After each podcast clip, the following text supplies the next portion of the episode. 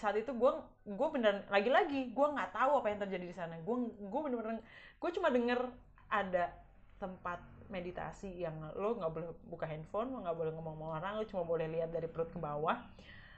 Eh, lo udah meditasi aja terus. Hmm. tapi tentunya it's it's easier uh, untuk mendengar untuk tahu dari apa yang lo dengar daripada menjalankannya.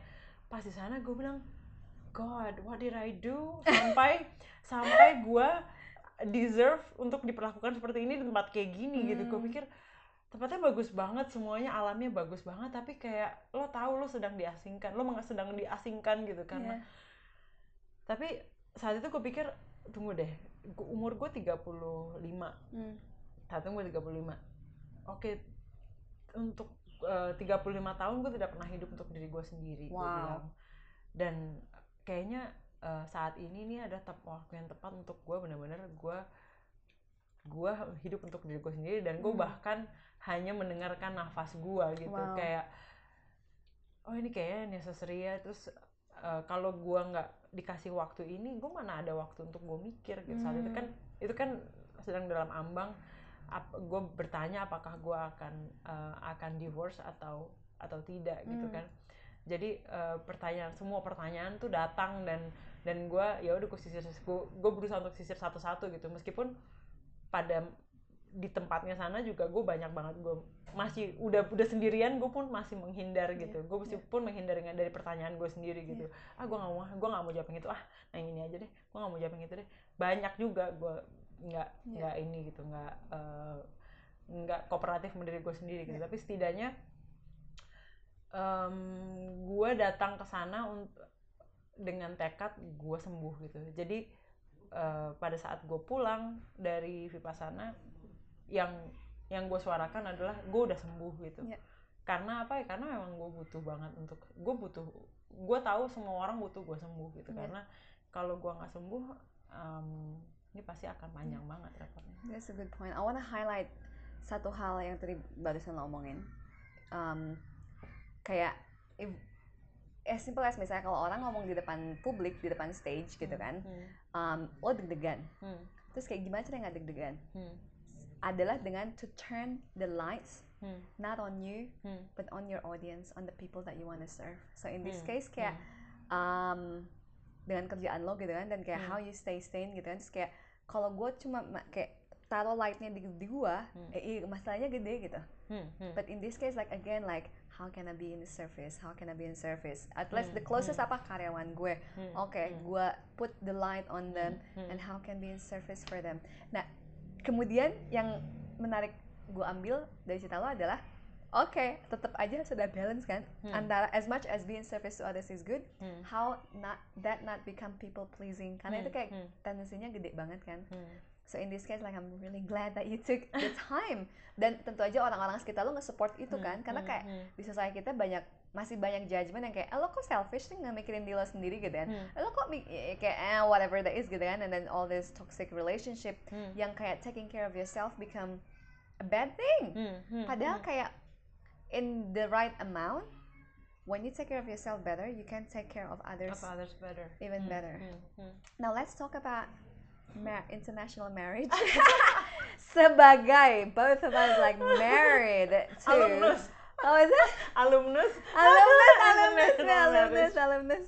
Um, cause like ini tuh ini ini tuh fenomena gede bukan fenomena kayak Hmm. there's it's such a common thing di Indonesia yang kayak bule is like oh gitu kan gue pengen nikah sama bule like is is like a good life and whatever that is. Hmm, let's talk about the truth behind it and not just all this fantasy world about like traveling the world atau kayak living a uh, living a better quality of life like sesimpel kayak cultural difference. Karena Hmm. itu kan like yang gue belajarin dari relationship adalah what really matters is actually in my personal experience do you share the same vision?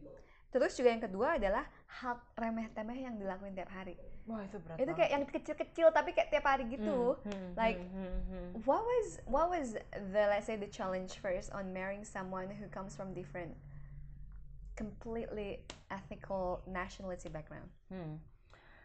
Eh, meskipun meskipun gue berbicara bahasa yang sama ya sama sama mantan suami gue ya Uh, meskipun gue uh, sudah hidup di negaranya dia lebih lama Hmm. daripada uh, dia hidup di sini gitu dan gue sangat tahu uh, ekspresinya ya gitu ya Hmm. jadi pada saat dia ngom- ngomong apa ekspresinya apa gue gue tahu kok maksudnya apa gitu itu aja itu aja nggak membuat gue menjadi uh, tidak uh, tidak sakit hati gitu gue banyak yang bikin berat adalah gue banyak gue banyak sakit hati dengan um, ekspresi meremehkan gitu Hmm. jadi lebih kayak um, gue tuh lebih nggak gue nggak suka banget mu- saat itu kan dia yang tinggal di Indonesia ya Mhm. dia tinggal di Indonesia terus eh, banyak hal dia melihat bahwa kok negara lo masih gini sih Hmm.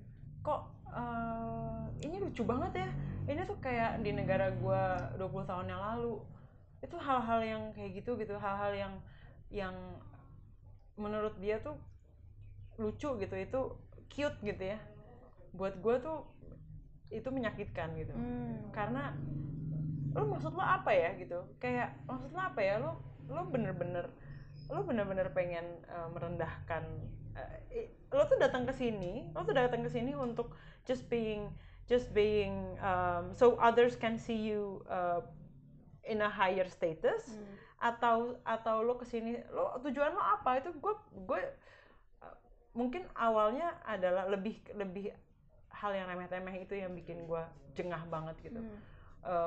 gue tahu gue tahu ternyata memang perjuangannya perjuangan negara kita gitu untuk dengan terhadap penjajah itu gila banget gitu. Karena gue ngerti gitu sekarang em, oh ternyata ini orang-orang asing ini menganggap kita tuh bener-bener bener-bener se primitif itu ya gitu Hmm. Maksudnya itu saya kayaknya itu permasalahan pertama ya permasalahan pertama di di pernikahan gue adalah Hmm. gue eh, gue nggak terima gue lebih kayak nggak terima secara eh, secara ne- kayak kita tuh di, di- kita tuh dipandang dipandang terbelakang gitu Hmm. gue nggak terima banget saat itu terus kedua em, ya hal remeh temeh sih memang. Eh, hal remeh temeh itu yang memang memang nggak gampang gitu. Bahkan mungkin hubungan hubungan sama-sama Indonesia aja pun nggak gampang gitu ya Iya. apalagi apalagi sama WNA gitu. Ya gue rasa sih mungkin And all the paperwork.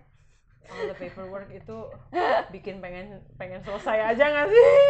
Gila banget. Gue ngurusin kita kan I told you I did that like four times baru dia yang keempat di approve like it's just Iya. so much I- pain in the bahkan pada dulu tuh kita ini ya dulu kita berkomunikasi untuk ngurusin kitas kitab iya ya iya iya gila iya. ya sih so kayak Zee Wow. coba ini terus Wow. kayak oh my god Iya. Oh terus itu juga tuh, gue gue gue marah banget sih. Gue gue marah banget dengan gue inget banget gue pernah ke Bali gitu ya. Gue pernah ke Bali eh, sama mantan suami gue ini. em, terus terus ada ada pertanyaan gini, "Hmm, tamunya orang mana mbak?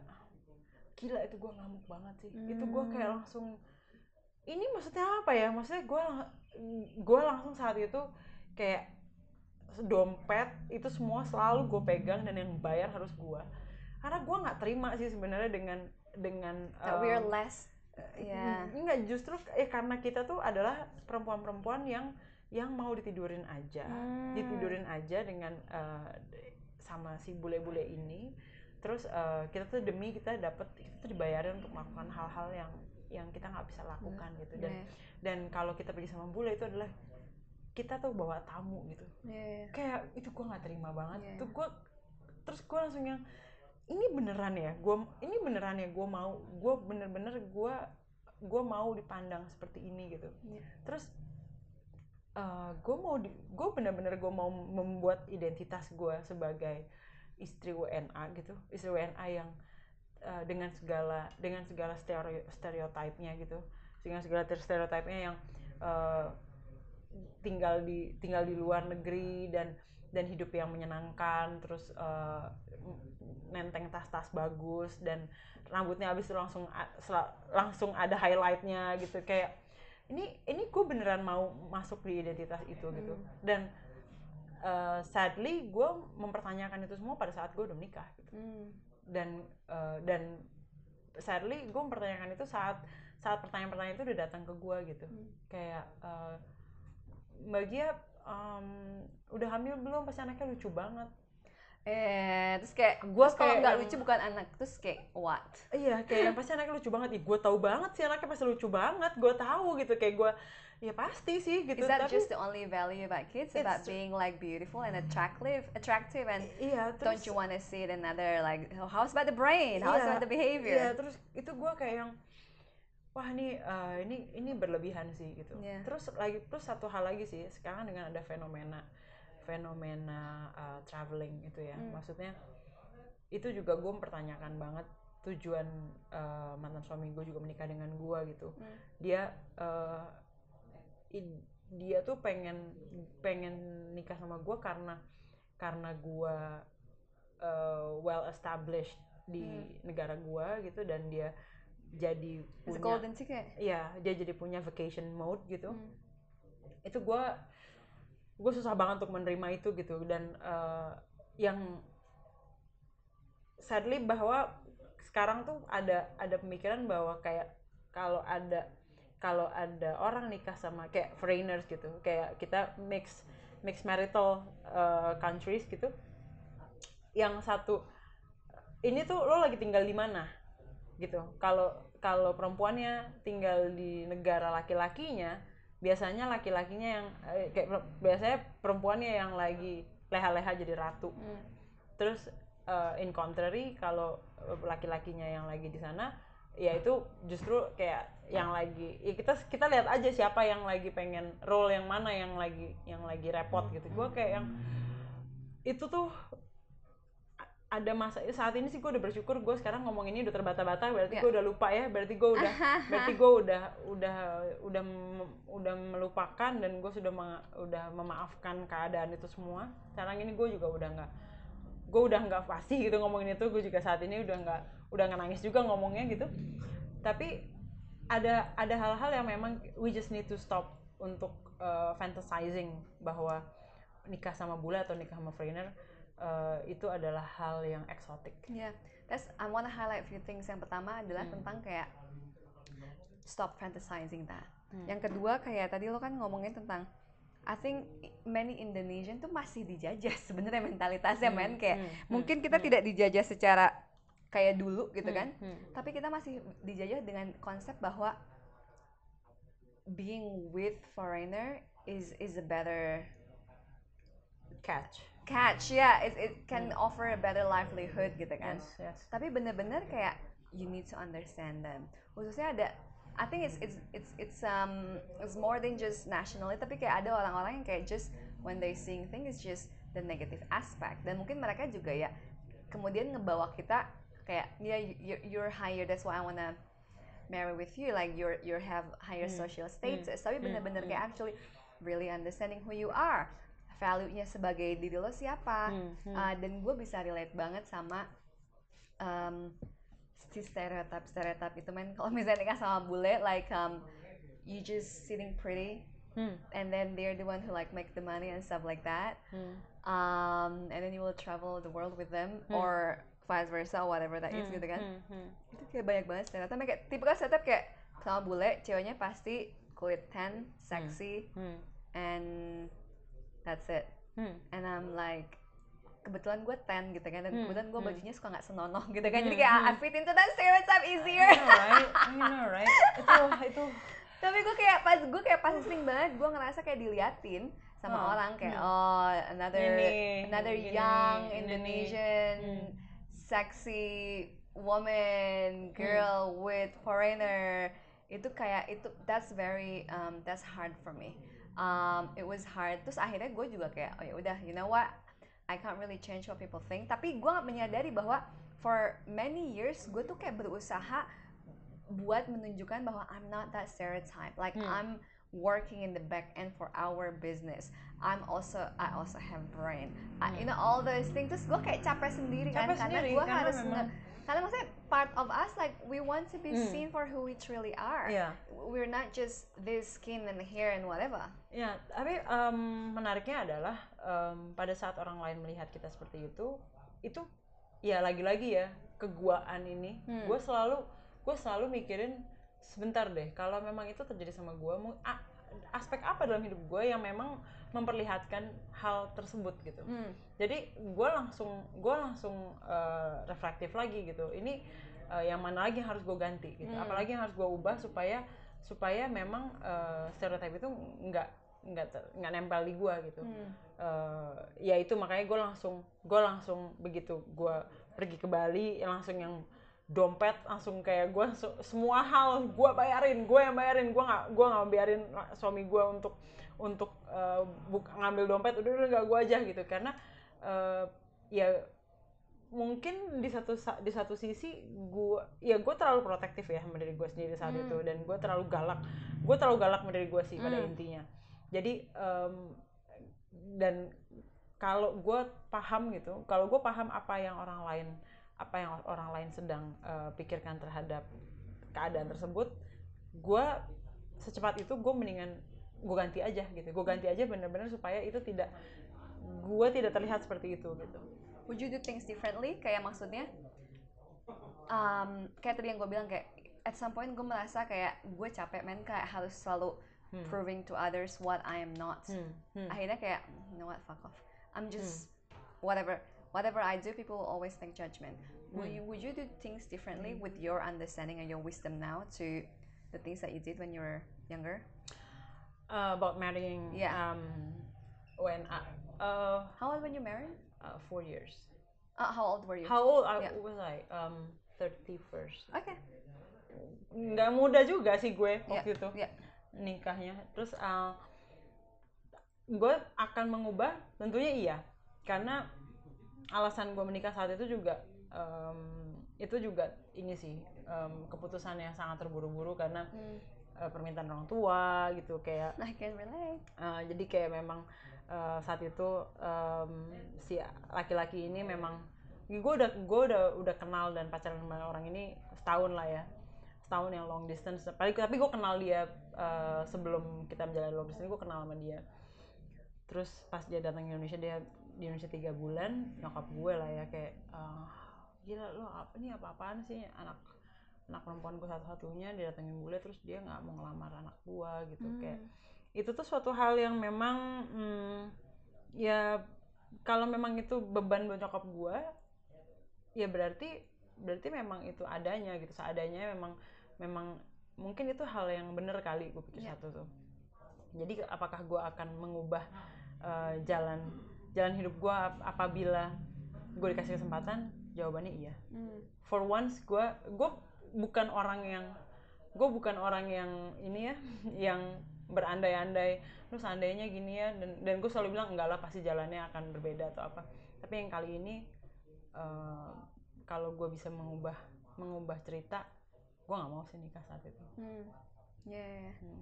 Um, let's go into the story of your current interests with Hmm. running. oke Kayak pertama yang jadi sehat di society kita, Hmm, it's, hmm. it's itu bukan kayak value yang deeply ingrained dari society. Kayak Hmm. kalau misalnya gue lihat teman-teman gue, kalau misalnya di luar negeri kayak dari kecil tuh kayak let's go like hiking, ya let's go to the park, terus Hmm, kayak hmm. uh, let's snowboarding or skiing when you still since you were still little Hmm, gitu kan. hmm, hmm, hmm, hmm. Sedangkan di Indonesia kan banyak national park juga kan. ya ya ya But it's just not part of our like healthy Our- lifestyle. hmm, Iya, hmm. enggak gitu. Our Um, culture of uh-uh, kayak going to park how does that started your interest with that? Then what what you find most interesting with running marathon? um, running marathon I I actually started running is just mm, only this year Hmm. untuk un- lari maraton memang di tahun ini. Hmm. gua uh, I, I I just I I actually finished my first 5k bulan Maret tahun ini juga. Jadi belum terlalu lama. It's very recently uh, gue lari gitu. Jadi 5k pertama gua itu bahkan fun run gitu bukan bukan race gitu. Terus begitu gue selesai gue menyelesaikan 5k itu dengan gue sanggup gitu menjalankan 5k gue nelfon temen gue gue bilang "Eh, eh gue bisa loh kayaknya melakukan ini uh, every every week gue bilang. Once in a week kayaknya gue bisa deh. Gue kayak bisa melakukan ini dari rumah dari rumah gue ke Kiputi saat itu. Yang mana gue nggak tahu itu berapa kilo tapi gue kayak yang kayaknya gue bisa deh. Gue kayak mau deh melakukan ini gitu. Terus uh, terus itu hari Sabtu ya dan gue melakukan perjalanan dari rumah ke Kiputi itu hari Rabu gitu. Hmm. yang mana itu tuh berapa kilo ya? Eh, sebelas. Sebelas kilo. Oh my god. gue nggak tahu. Tuh gue beneran kayak nggak tahu. Ya udah gue gue ngatur rute. Oh oh mungkin gini. Oh mungkin gini. Terus gue ya udah gue gue lari aja gitu. Gue saat itu gue bahkan belum ikut komunitas mana pun gitu Hmm. untuk untuk latihan untuk kayak tahu teknik gitu gue nggak tahu tapi gue jalanin aja karena apa karena The yes man in the kayak. the ya, keariesan ascendant Aries gue meminta gue untuk ya udah gitu, do it, just gitu do it, kenapa Iya. enggak gitu terus eh, di situ gue banyak belajar bahwa eh, seharusnya gue seharusnya gue abis lari gue pendinginan lebih bagus Mm, mm. karena eh, karena di perjalanan itu itu bikin gue lutut gue sakit gitu Hmm. tapi gue melakukan itu kayak tiga bulan. Gue tiga bulan gue beneran ngejalanin setiap hari Rabu gue gue itu adalah hari lari gue gitu. Gue naruh mobil di Kiputi paginya gue lari ke sana terus gue mandi di Kiputi. Pokoknya gue ya udah gitu gue melakukan itu. Why is that? What's, Why- what's the motivation apa yang bikin oke what's my motivation? Em, karena kayaknya dengan gue lari gue bisa berkomunikasi sama badan gue sih. Wow. gue bisa berkomunikasi banget sama badan gue gue gue tahu pada saat gue bilang oke cepetin dikit oke sekarang turunin dikit deh nah lo lo, lo mulai ngos-ngosan gitu terus em, ya apa ya gue ternyata gue sanggup lari ini hal yang memungkinkan untuk gue lakukan gitu Hmm. ternyata ternyata it's about me and my body tuh Hmm. gue paham gitu Yeah.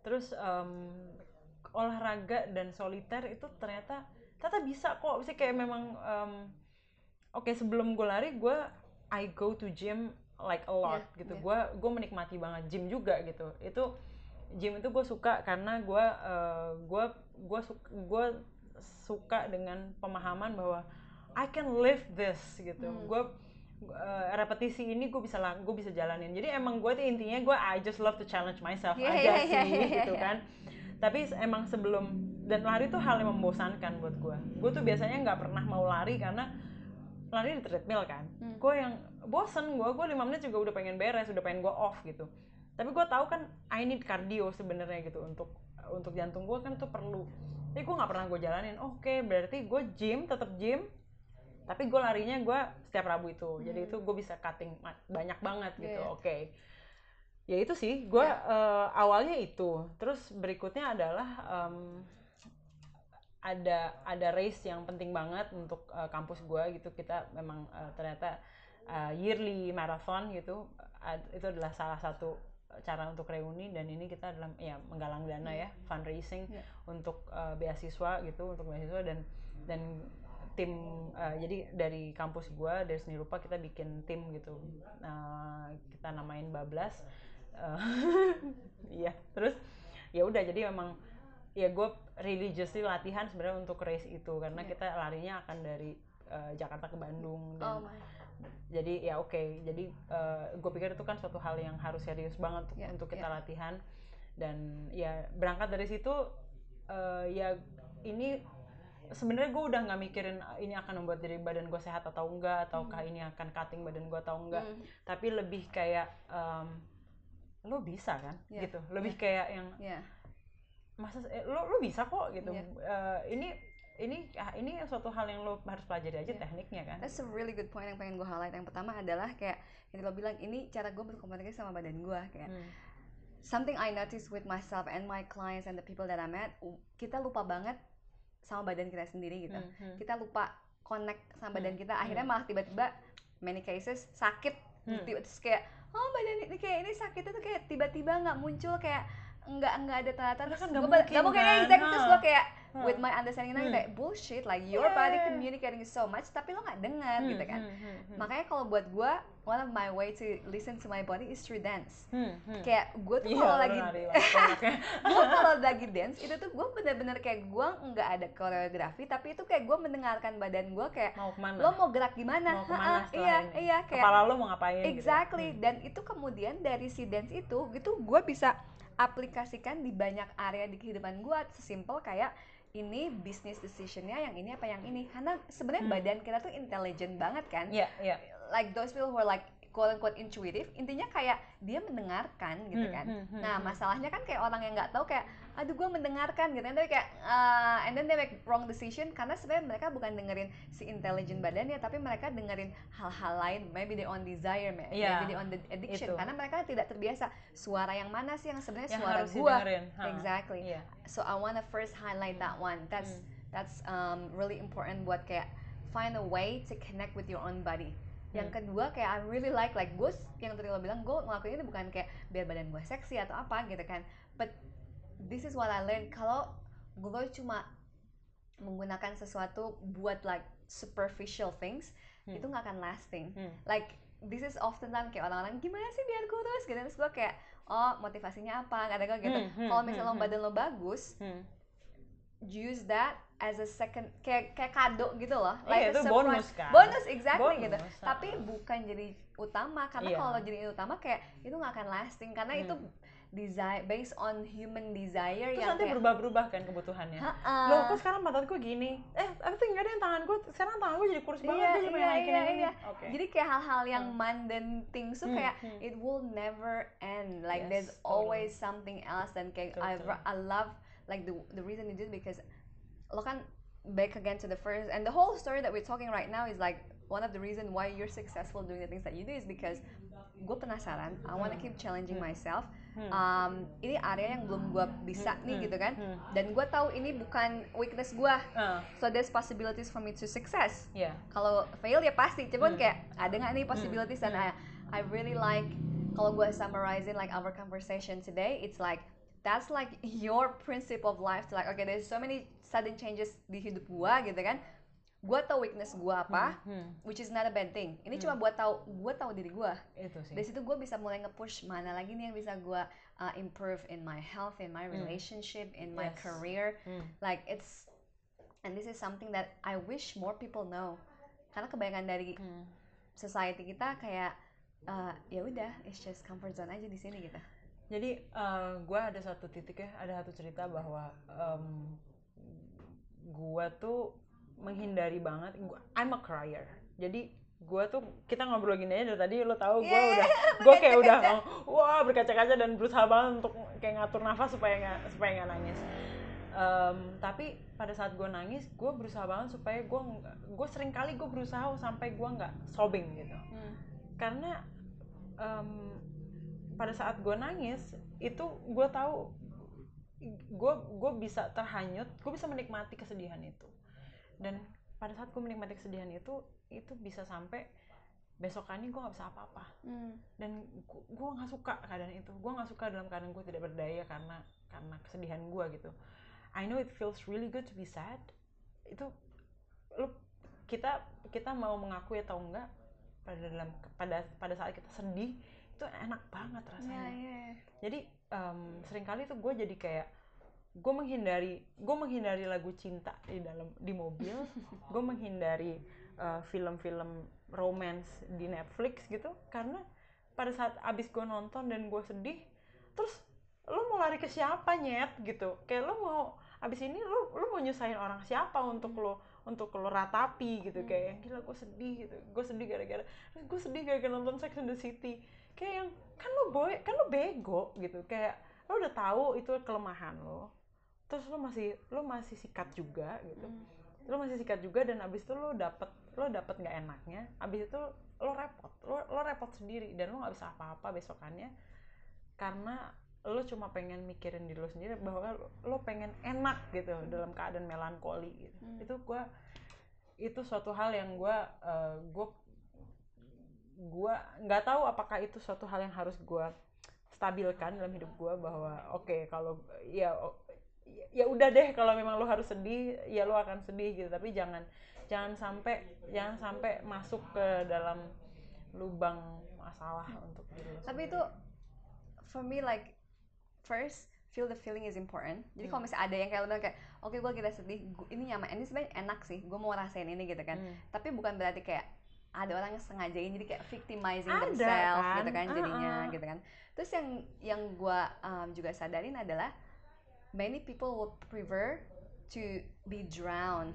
on their emotion karena Yes. itu nyaman buat mereka karena there's something that they're familiar with makanya ada Uh-uh. itu orang-orang kayak identitas mereka maksudnya Iya iya iya kayak misalnya sesimpel kayak Hmm. um, gue tau ini toxic relationship even but after so many years I'm still staying here karena itu gue udah tahu gitu Hmm. gue udah tahu yang pen- yang walaupun itu sakit tapi itu familiar buat gue gitu loh Hmm, gua tahu so I would. I would rather to stay there rather than gue explore something new yang ada possibilities buat bagus dan jelek yang mending gue ini udah ini udah ini udah comfortable ini udah ini udah I, I know. predictable Hmm, so many people is yeah unfortunately stay there hmm. So we're coming to the end of our podcast interview.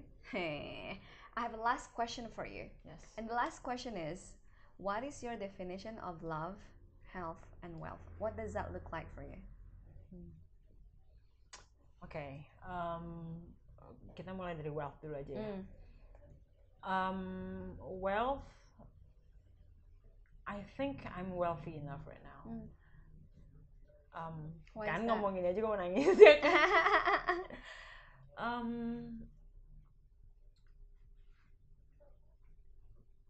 apa ya um, yang udah gue hadapi selama mungkin lebih lebih di 10 tahun terakhir kali ya Mm. banyak banget banyak banget dan um, dan itu involve um, involving banyak banget banyak banget manusia gitu di Hmm. sana banyak banget cerita orang yang yang uh, yang gua yang gue jalani yang gue hidupi gue menghidupi banyak orang juga Mm.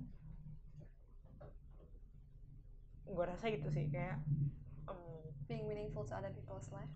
being meaningful to other people's life sa- secara mereka sadar atau nggak sadar Yeah. tapi mempertahankan kehidupan Yeah. Well. kayak mempertahankan kehidupan banyak orang gitu yeah, itu kayaknya Yeah. yeah. itu itu kayaknya memang kekayaan gue sih yeah. That's a really beautiful and good point. Huh. Oh, that's a really that's a really not many people able to see that. Many people like stay on the selfish mode kayak ya gua nggak peduli this is me I wanna have as simple as reap as much profit gitu kan instead of like I wanna distribute my wealth to others and see that orang lain and their family have a good livelihood. Ya mungkin di saat di saat gue menjalani itu gue nggak sadar juga sih bahwa gue nggak sadar juga bahwa itu yang sedang gue eh, itu goal gue gitu. Tapi secara eh, tapi semua action gue emang emang sering kali emang dengan gue putting them first gitu ya itu yang ternyata itu yang gue yang gue jalanin gitu. Mm, mm. and then second is being healthy um, saat ini sih yang jadi concern gue lebih lebih ke being happy ya Mm, when when I'm happy I'm just 100% healthy Yes. jadi um, setiap pagi gue dan setiap malam gue tuh gue banyak banget ritual gue gue I I need to wake up at 4 Wow. a.m. every day right now. Um, karena apa? Karena gue gue pengen menjalani pagi itu dengan penuh gitu. Maksudnya, uh, I need to have my uh, my coffee very uh, very calmly, Mm. and then I need to have my time for my uh, like praying, and then med- my meditation, and then gue pengen mandi tenang-tenang gitu. Yeah. Tapi gimana cara gue mandi tenang-tenang kalau setelah sebentar lagi udah jam 7 dan Iya. gue udah harus pergi gitu kan jadi em, ya harus tarik mundur gitu Iya. dan saat ini gue berusaha banget untuk pada saat gue sebelum gue tidur gue nggak megang handphone Iya. dan eh, handphone tuh ada hanya untuk alarm Iya.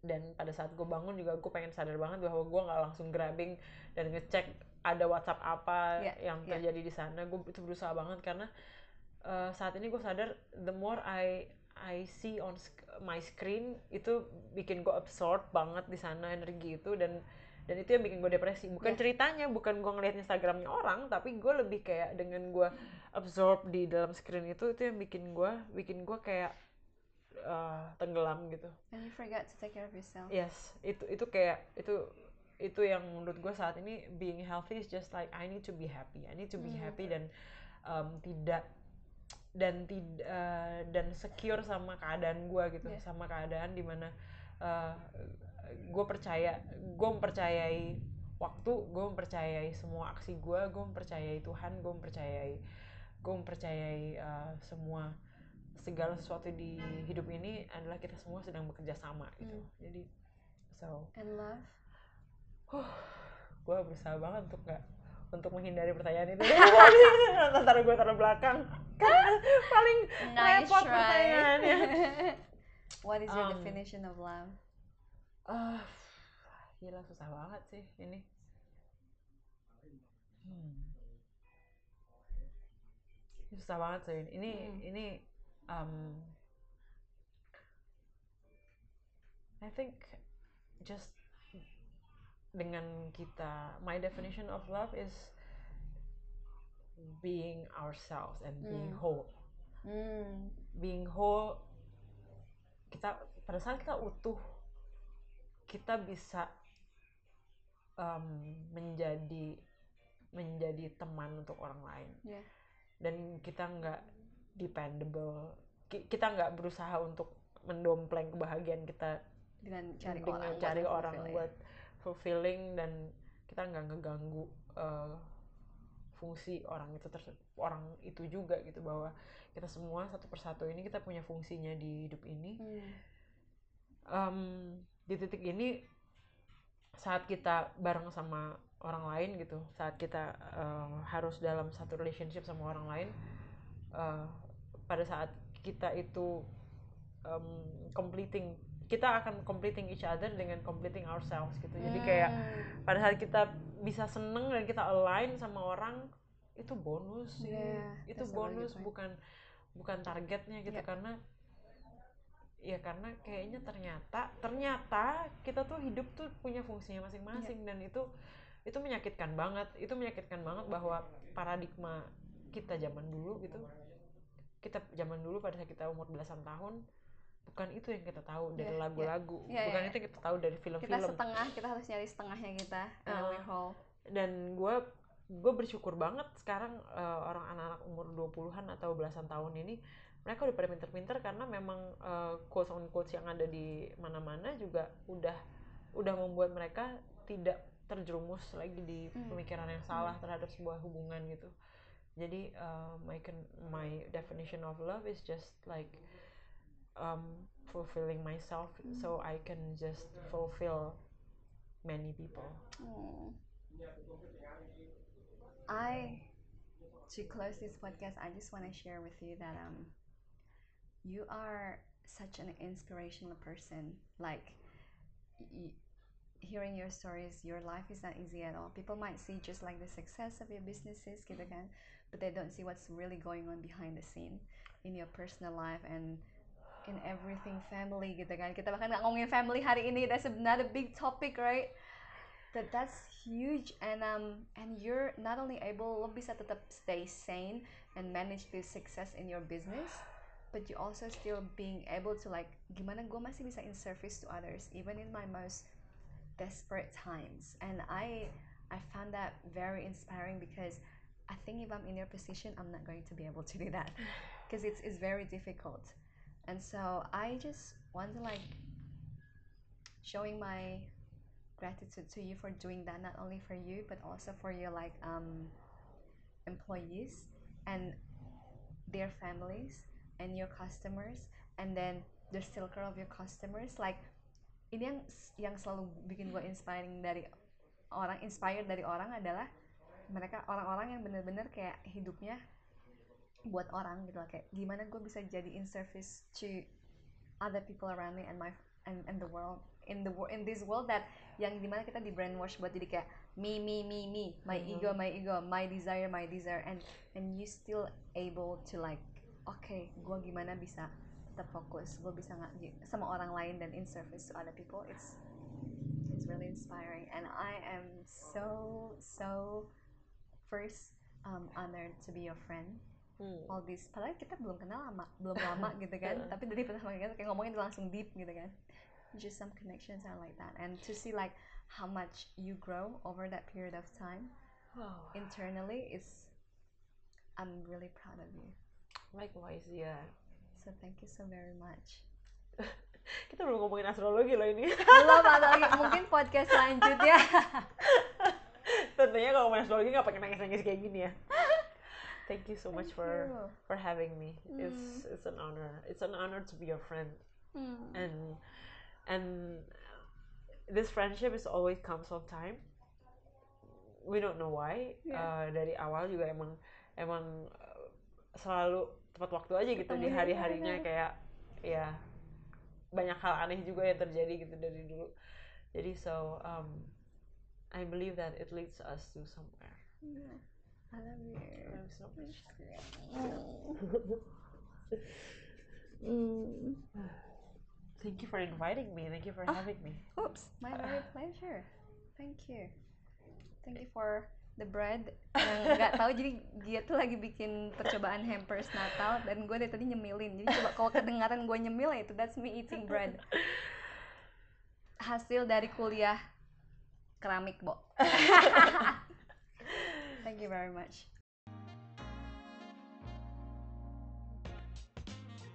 So that's the inspiring interview for this week, and I hope you get benefits from it. Now, to get even more out of this interview, here's what you gotta do share this interview on your social media, tag me at Zia Kusumawardini, and write down your learning points from this interview. Not only you can retain the information better, but by doing so, you can also inspire others to create a life they love. Also, if you'd like to learn more about how to have the body you love and love the body and life you have, you can learn more through my Instagram at Zia Kusumawardini or visit my website www.ziakusumawardini.com. Lastly, I'm looking forward to having you in the next episode. Bye!